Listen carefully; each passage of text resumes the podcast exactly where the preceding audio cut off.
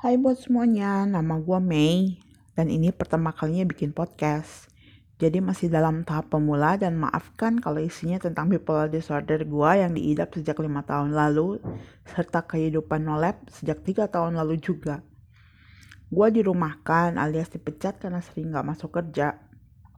Biasa karena mood swing terus, kambuhan terus, terus mana sekarang cari kerja itu susah, lamar sana sini juga gak keterima malang banget nih hidup gue.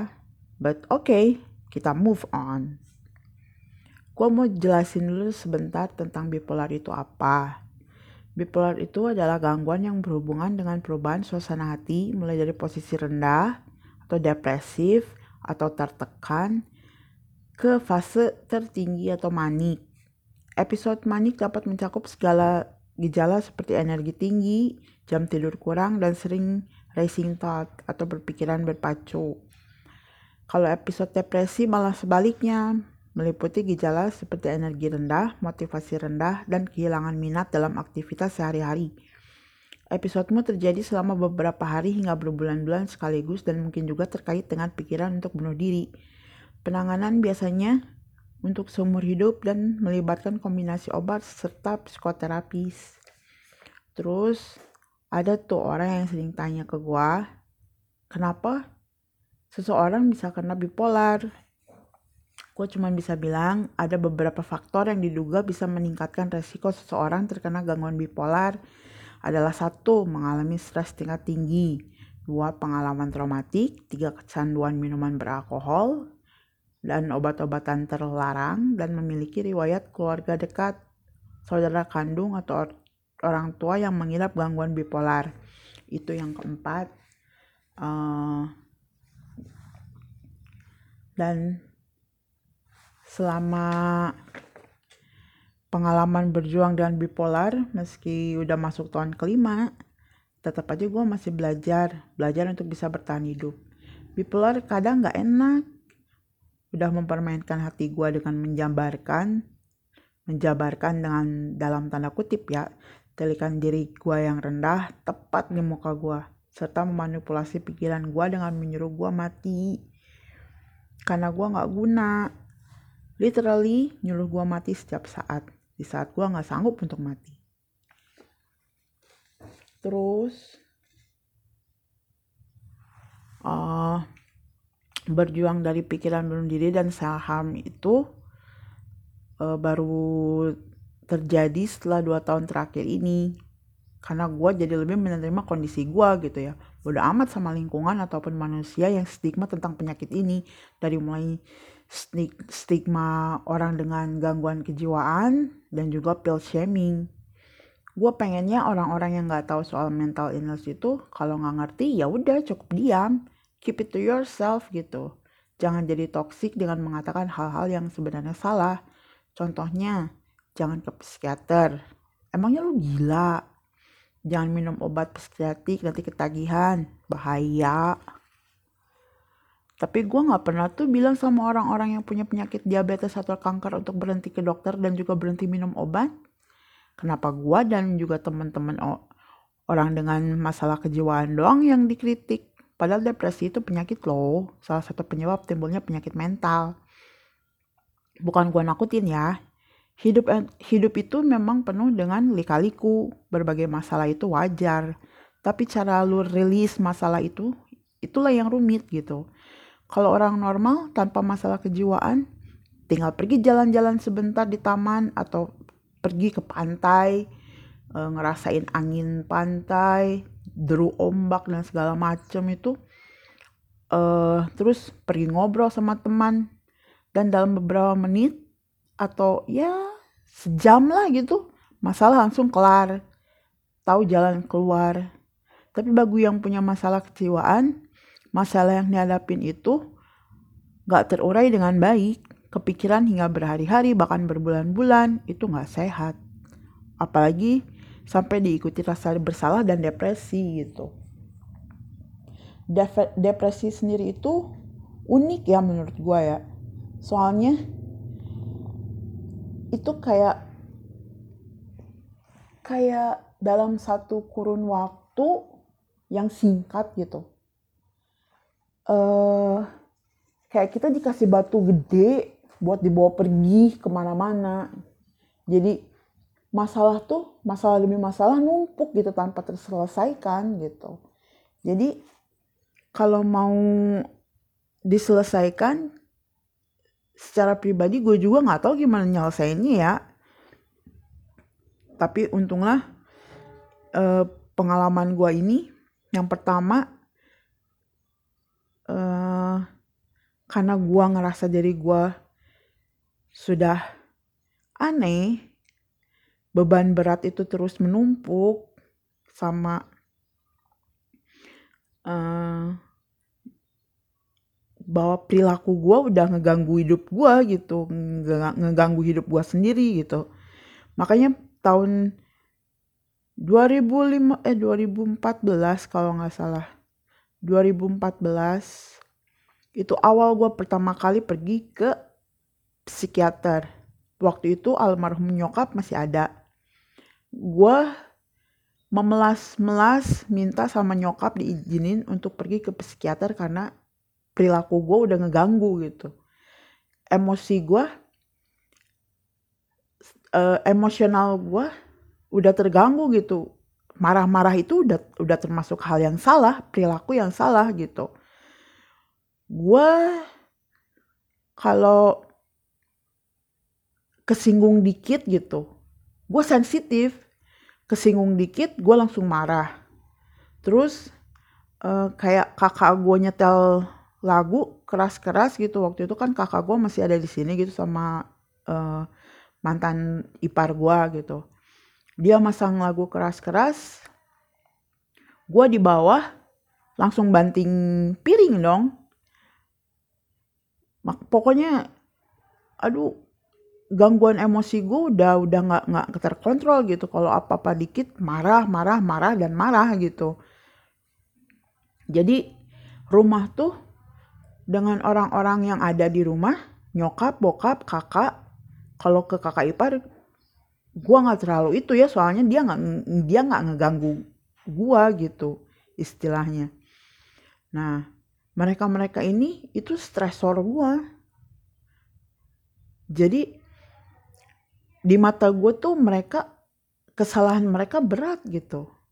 Jadi gue belum bisa terima. Gue masih butuh mereka untuk minta maaf ke gue karena udah ngacauin segala sesuatu hal yang ada di diri gue gitu. Makanya pas tahun tahun 2014 itu gue bener-bener minta sama nyokap, mah gue pengen beresin diri gue, gue pengen ke psikiater, gue bukannya gila, gue cuma pengen tahu apa yang terjadi sama hidup gue gitu, sama diri gue gitu.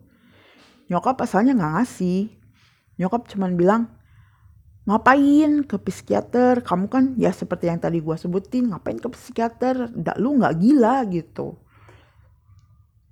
Tapi hal itu harus gue lakuin karena gue merasa udah berat gitu. Tanggungan gue tuh udah berat gitu mas. Maksudnya apa sih yang bikin gue nggak bahagia? Apa sih yang bi udah bikin gue ngerasa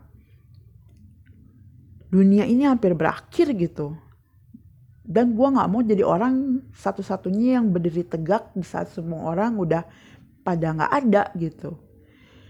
Gue bener-bener butuh butuh sandaran gitu. Butuh butuh ada yang mengakui bahwa iya gue ini bermasalah gitu. Dan itu gue nggak mau dari orang lain gitu. Gue mau dari pandangan seorang ahli.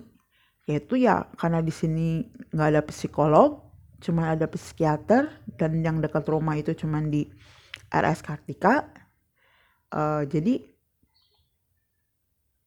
gue tetap minta mama gue ngasih gue izin akhirnya diizinin.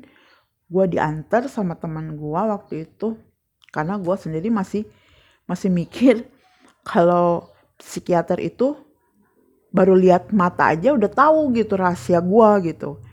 Gue takutnya begitu. Tapi ternyata pas sekarang-sekarang dipikir-pikir lagi psikiater kan bukan cenayang ya yang yang kata gua tadi baru lihat mata langsung udah tahu hitam putihnya gua gitu. Jadi pas gua ke psikiater ditemenin sama teman gua itu kita ngobrol-ngobrol dan dokternya itu asik dokter Indri itu asik. Jadi dia mungkin karena raut wajahnya keibuan ya terus dia pakai gamis.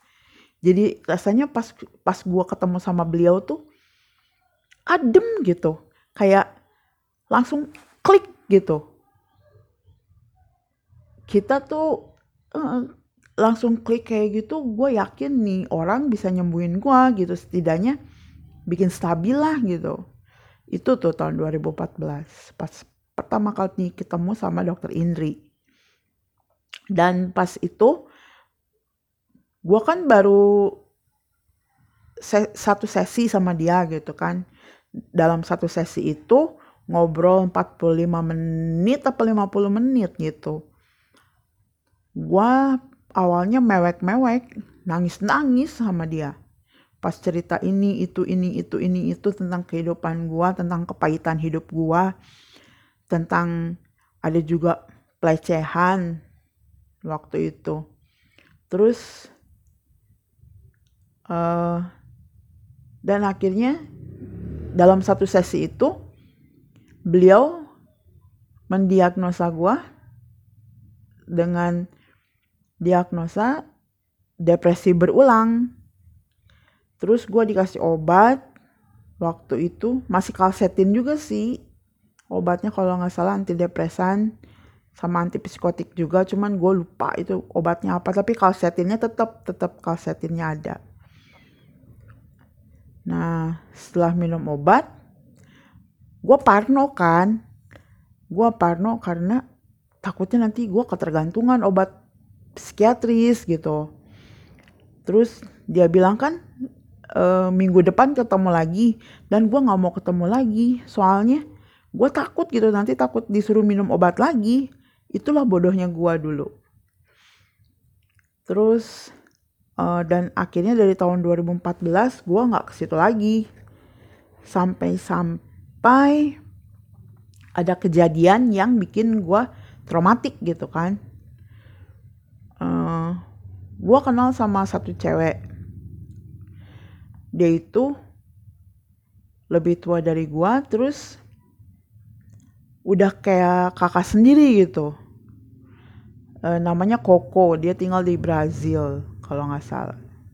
Lalu itu tahun 2017 ya kalau nggak salah tahun 2017 2017 Nah, kakak kakak angkat gua ini, si Koko ini uh, memutuskan untuk mengakhiri hidupnya dengan overdosis obat di apartemennya. Gua kan waktu itu masih kerja.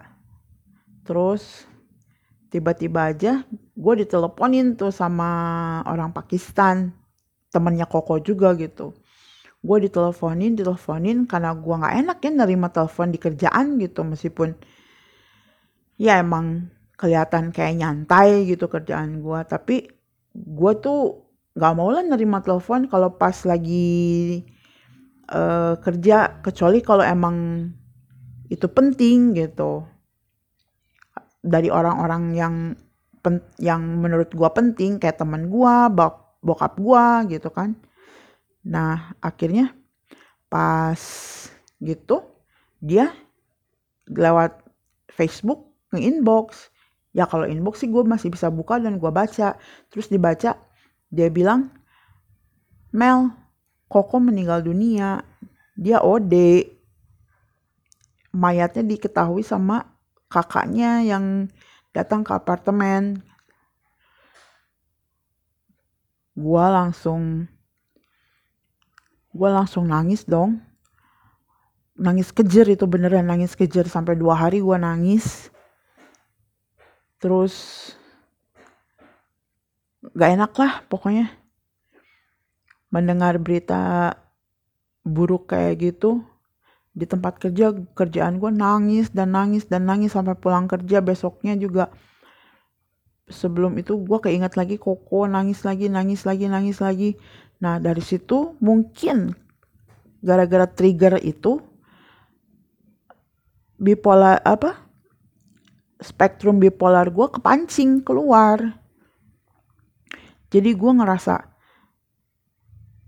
gimana ya? Ngerasa otak gue tuh ada yang aneh gitu. Perilaku gue aneh lagi gitu. Terus gue pergi lagi tuh ke dokter Indri balik lagi ke sana. Akhirnya masih uh, awal masih depresi juga. Terus uh, beberapa minggu kemudian hampir mau satu bulan baru beliau bilang kamu ini sepertinya bipolar tapi kita ini dulu apa perdalam lagi gitu. Masalahnya di mana? Apakah benar apa enggak? Maksudnya bipolar apa enggak? Hmm, jadi pas disuruh datang lagi datang lagi datang lagi ya gua ya tetap ikutin anjuran dia gitu. Datang minum obat terus dan akhirnya emang bener bipolar tipe 1 yang apa bisa ngerasain depresi atau manik gitu. Dapat dua dapat dua fase itu gitu. Dan fase-fase lain yang mengikuti. Awal-awalnya dikirain cuma depresi doang kalau lagi depresi gitu. Atau lagi manik doang ketika lagi manik gitu. Tapi ternyata ada fase-fase lainnya juga gitu kan. Ada fase agitasi ada fase campuran uh, yang ah pokoknya hmm, rasanya bener-bener kayak kayak apa ya? Nggak bisa dijelaskan lah rasanya beneran jadi uh, terkadang gue suka mikir juga ya kok gue bisa kena bipolar gara-gara kepancing sama masalah yang yang kayak gitu masalahnya. Kan dengan kematian dengan apa oh ternyata pas dokter gue selidik lagi selidik lagi mungkin masa lalu kamu juga emang berperan besar gitu. Uh, yang bikin kamu jadi bipolar. Dan ya iya emang aku, gua ngakuin gitu kalau masa lalu gua ya sedikit agak gimana gitu. Dengan trauma adanya trauma adanya pelecehan seksual waktu kecil gitu kan. Terus bullying. Yang akhirnya ketika mereka membuli gue karena dulu kan badan gue gemuk ya hampir 80 apa 90 kilo gitu pas waktu kecil. Nggak beda jauh sih sama sekarang gitu sekarang sih gue 70 cuman mungkin karena gue tinggi jadi gemuknya nggak terlalu kelihatan gitu. Ya lumayan lah tinggi gue nggak tinggi tinggi banget juga cuman nggak terlalu kelihatan gemuknya. Cuman pas waktu kecil kan gue sempet nggak ada leher tuh saking gemuknya tuh. Terus rambut gue mama gue kan tukang salon ya jadi rambut tuh udah kayak mainan dia aja rambut gue waktu SD itu gue udah kayak anak dari Papua. Rambut keriting kulit agak hitam pakai anting bulat. Aduh emang sih kalau misalkan ngelihat ke masa lalu bentuk fisik gua emang nggak banget gitu ya. Cuman kan orang-orang tetangga-tetangga pada manggil gua ayam boiler. Kalau nggak babon. Kalau nggak king kong. Coba gimana gua nggak stres kalau tiap mau ke pasar bareng sama nenek gua tiba-tiba ada ada orang yang bilang aduh ayam boiler. Kalau kata orang Sunda mah aduh kumaha gitunya gimana gitu kalau dapat ledekan kayak gitu teh bullying kayak gitu. Di sekolah juga sama karena gue yang paling gede.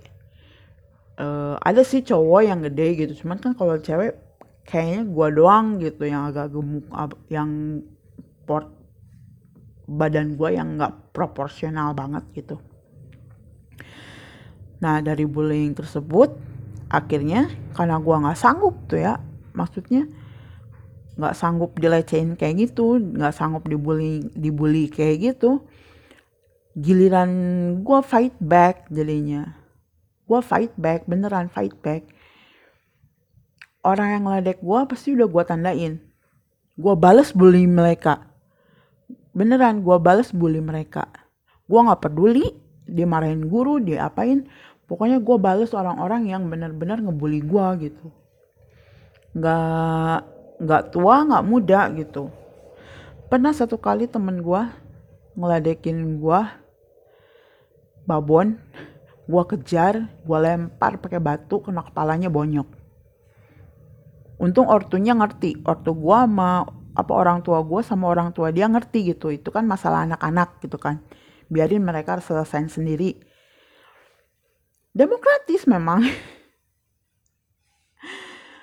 Tapi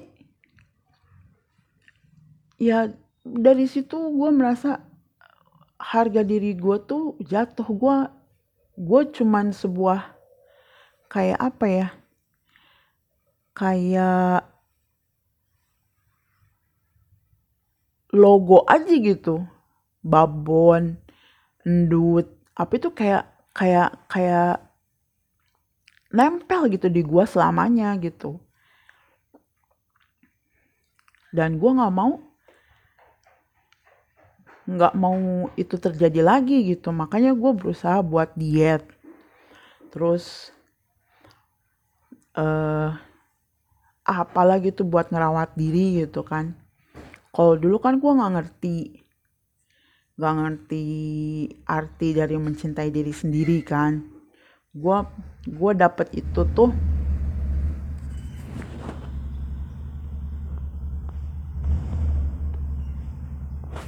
gue dapet itu tuh pas gue kerja di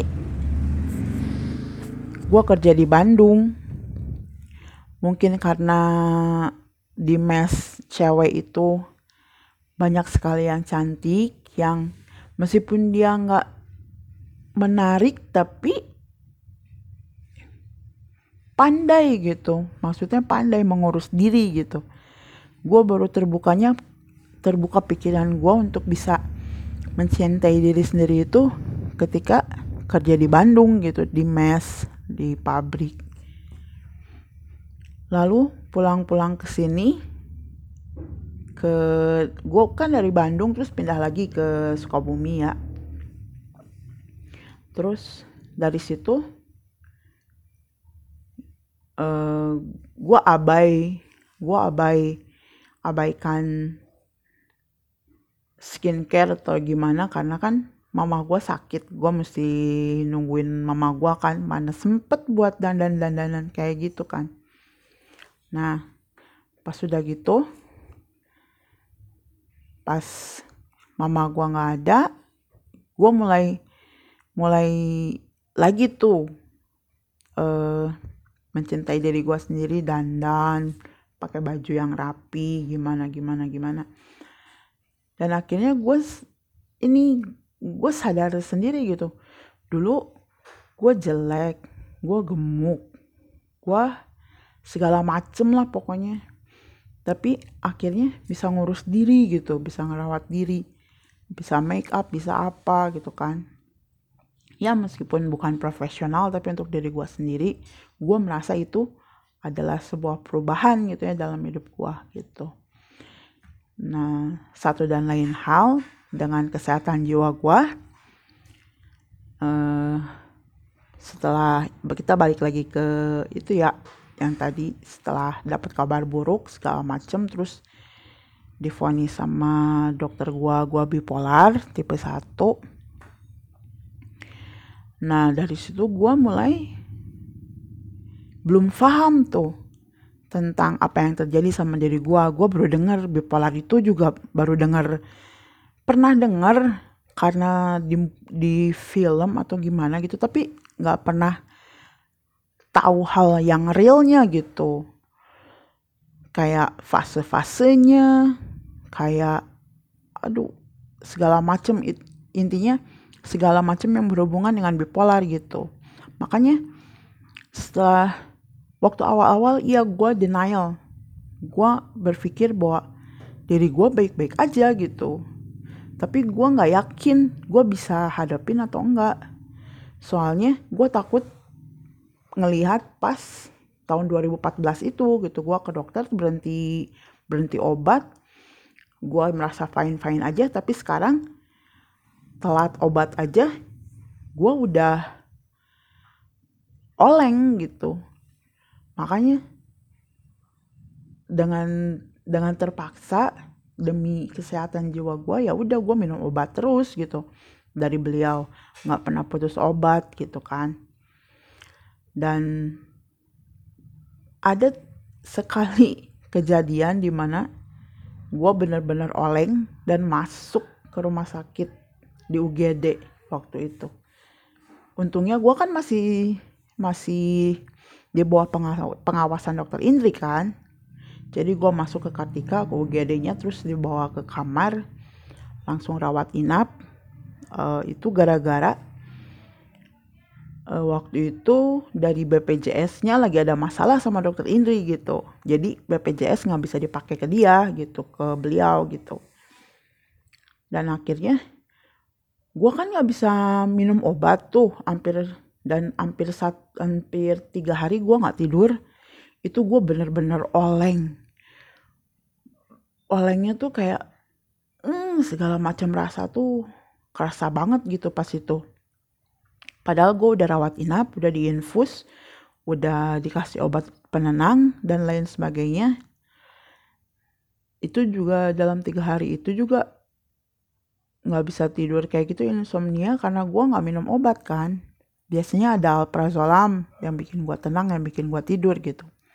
Terus withdrawalnya ya kayak gitu. Dan akhirnya tapi pas saat masa-masa dirawat pun udah minum obat pun tetap uh, agitasi gue keluar ya waktu itu. Gue sih paling paling banyak kalau depresi oh kalau depresi nggak kerasa ya agitasinya ya. Soalnya gue lemah letih lesu gitu. Kalau misalkan mania ya sering agitasi agitasi kebanyakan. Gue sampai kalau misalkan lagi agitasi gue mending mendem di kamar lah. Daripada gue keluar kamar terus gue marah-marahin orang rumah gitu. Tapi kalau misalkan kesinggung uh kamar gue itu hiasan yang gue bikin sendiri ya. Gue cat sendiri gue apa gue banting sampai rusak. Gue banting gelas sampai rusak gue uh, banting piring sampai pecah. Itu karena agitasi gue gitu.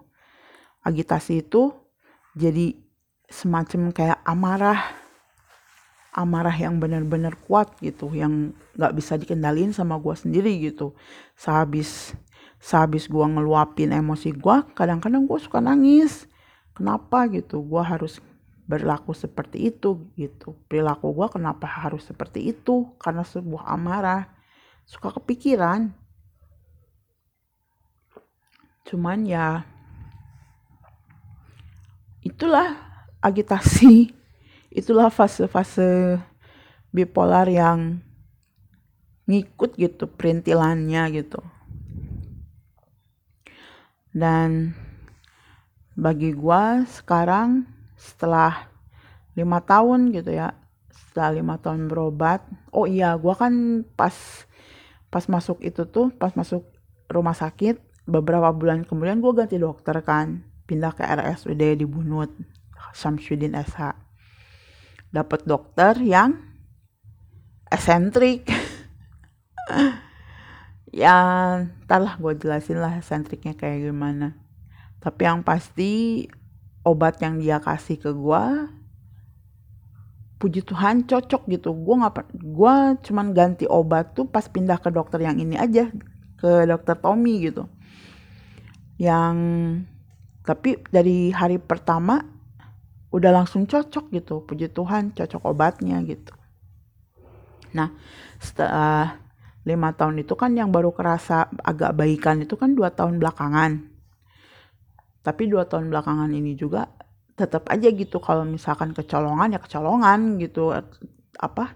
Relapse ya relapse gitu. Cuman gue udah bisa ngendaliin gitu. Karena ada awareness sama practice gitu. Awareness gue ya gue membaca pola pola bipolar gue gitu. Sepertinya kalau misalkan lagi mau relapse-nya ke depresi ya kayak gini gini gini gitu kan kalau mau ke mania ya sama gitu. Oh gue ngerasa lagi kayak gini lagi kayak gini lagi kayak gini oh kayaknya gue mania nih. Jadi kalau depresi gue mesti bisa bertahan untuk ngindarin impuls. Impulsnya apa? Gue kayak hampa. Jadi yang kepikiran tuh ya seperti tadi yang di awal gue bilang mati mati mati gitu kan. Dengan cara apa pun gitu terus kalau misalkan gue kemania gue jangan terlalu happy. Karena kalau terlalu happy itu udah kayak jadi bom waktu buat gue apanya yang jadi bom waktu? Ya rasanya itu gitu. Jadi kayak lu super duper happy. Tapi plus agitasi lu jadi kayak toxic gitu. Lu sendiri toxic gitu. Makanya gue selalu bilang sama teman-teman gue di Facebook sorry kalau misalkan omongan gue ngelantur bikin lu marah bikin apalah segala macem gitu. Karena gue lagi manik-maniknya gitu kan. Tapi karena teman-teman di Facebook gue itu kebanyakan gitu dari KPSI sama BCI dari komunitas peduli schizofrenia Indonesia dan sama bipolar care Indonesia kan. Jadi mereka tahu gitu dan ngerti gitu. Dan gue sendiri secara pribadi emang harus jaga mulut gue jaga jari gue supaya jangan ngetik yang aneh-aneh yang jadi nantinya pas di ke depannya itu jadi bumerang buat gue gitu. Gue nggak mau. Makanya gue reach out sama teman gue yang di luar negeri sama si Amy kenapa gue begini begini begini gitu kan. Dia bilang itu lu udah bagus gitu.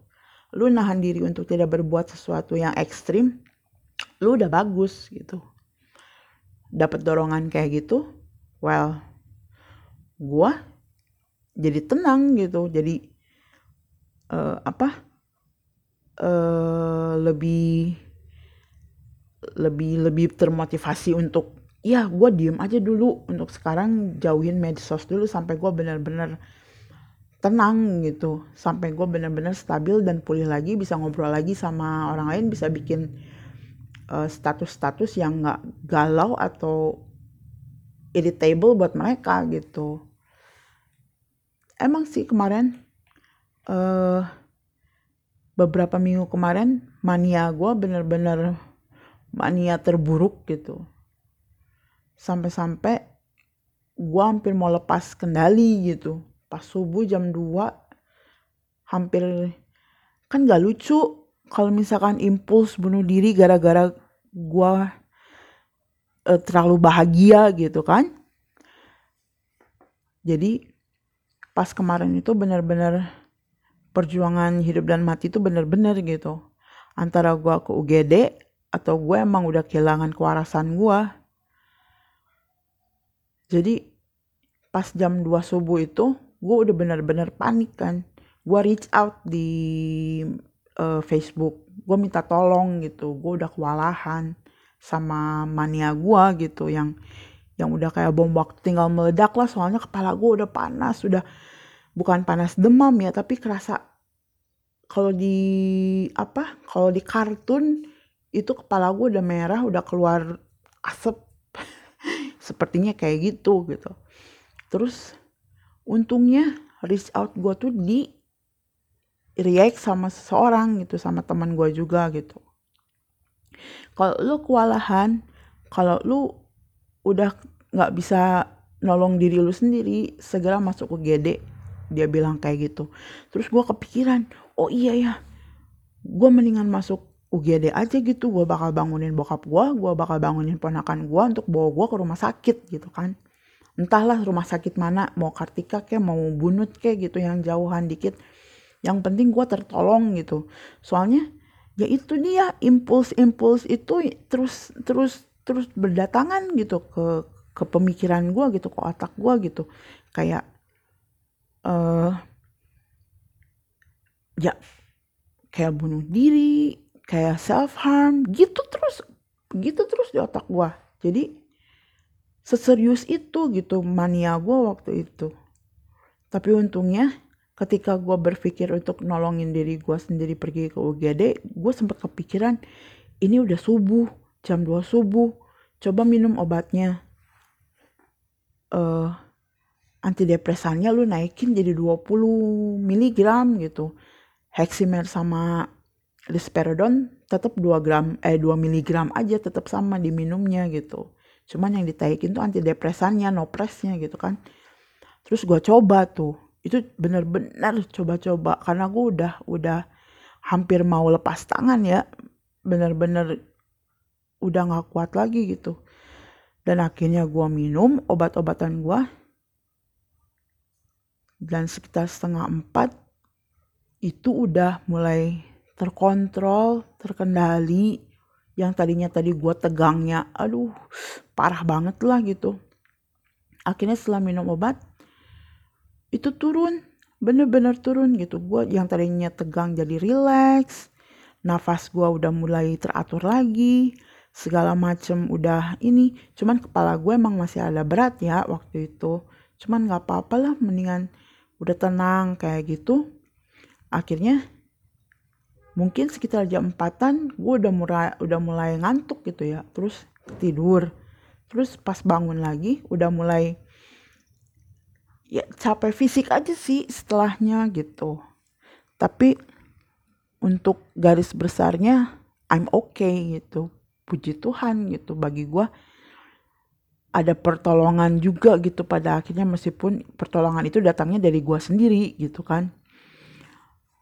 Soalnya di sini di rumah ini nggak ada caregiver sama sekali gitu. Bokap gue kan bokap gue udah 70 tahun. Mana mungkin sih dia ngurusin gue yang udah umurnya 35an kayak gini masih diurusin gitu kan. Ponakan gue kerja. Jadi gue juga nggak mau uh, apa sih istilahnya ngerjain ponakan sendiri gitu jadi caregiver gue gitu kan. Dia juga punya kehidupan sendiri gitu kan. Dan akhirnya ya udah gue memutuskan untuk dari dulu juga dari pas awal mula gitu emang gue pengennya aduh Tuhan kasih gue caregiver.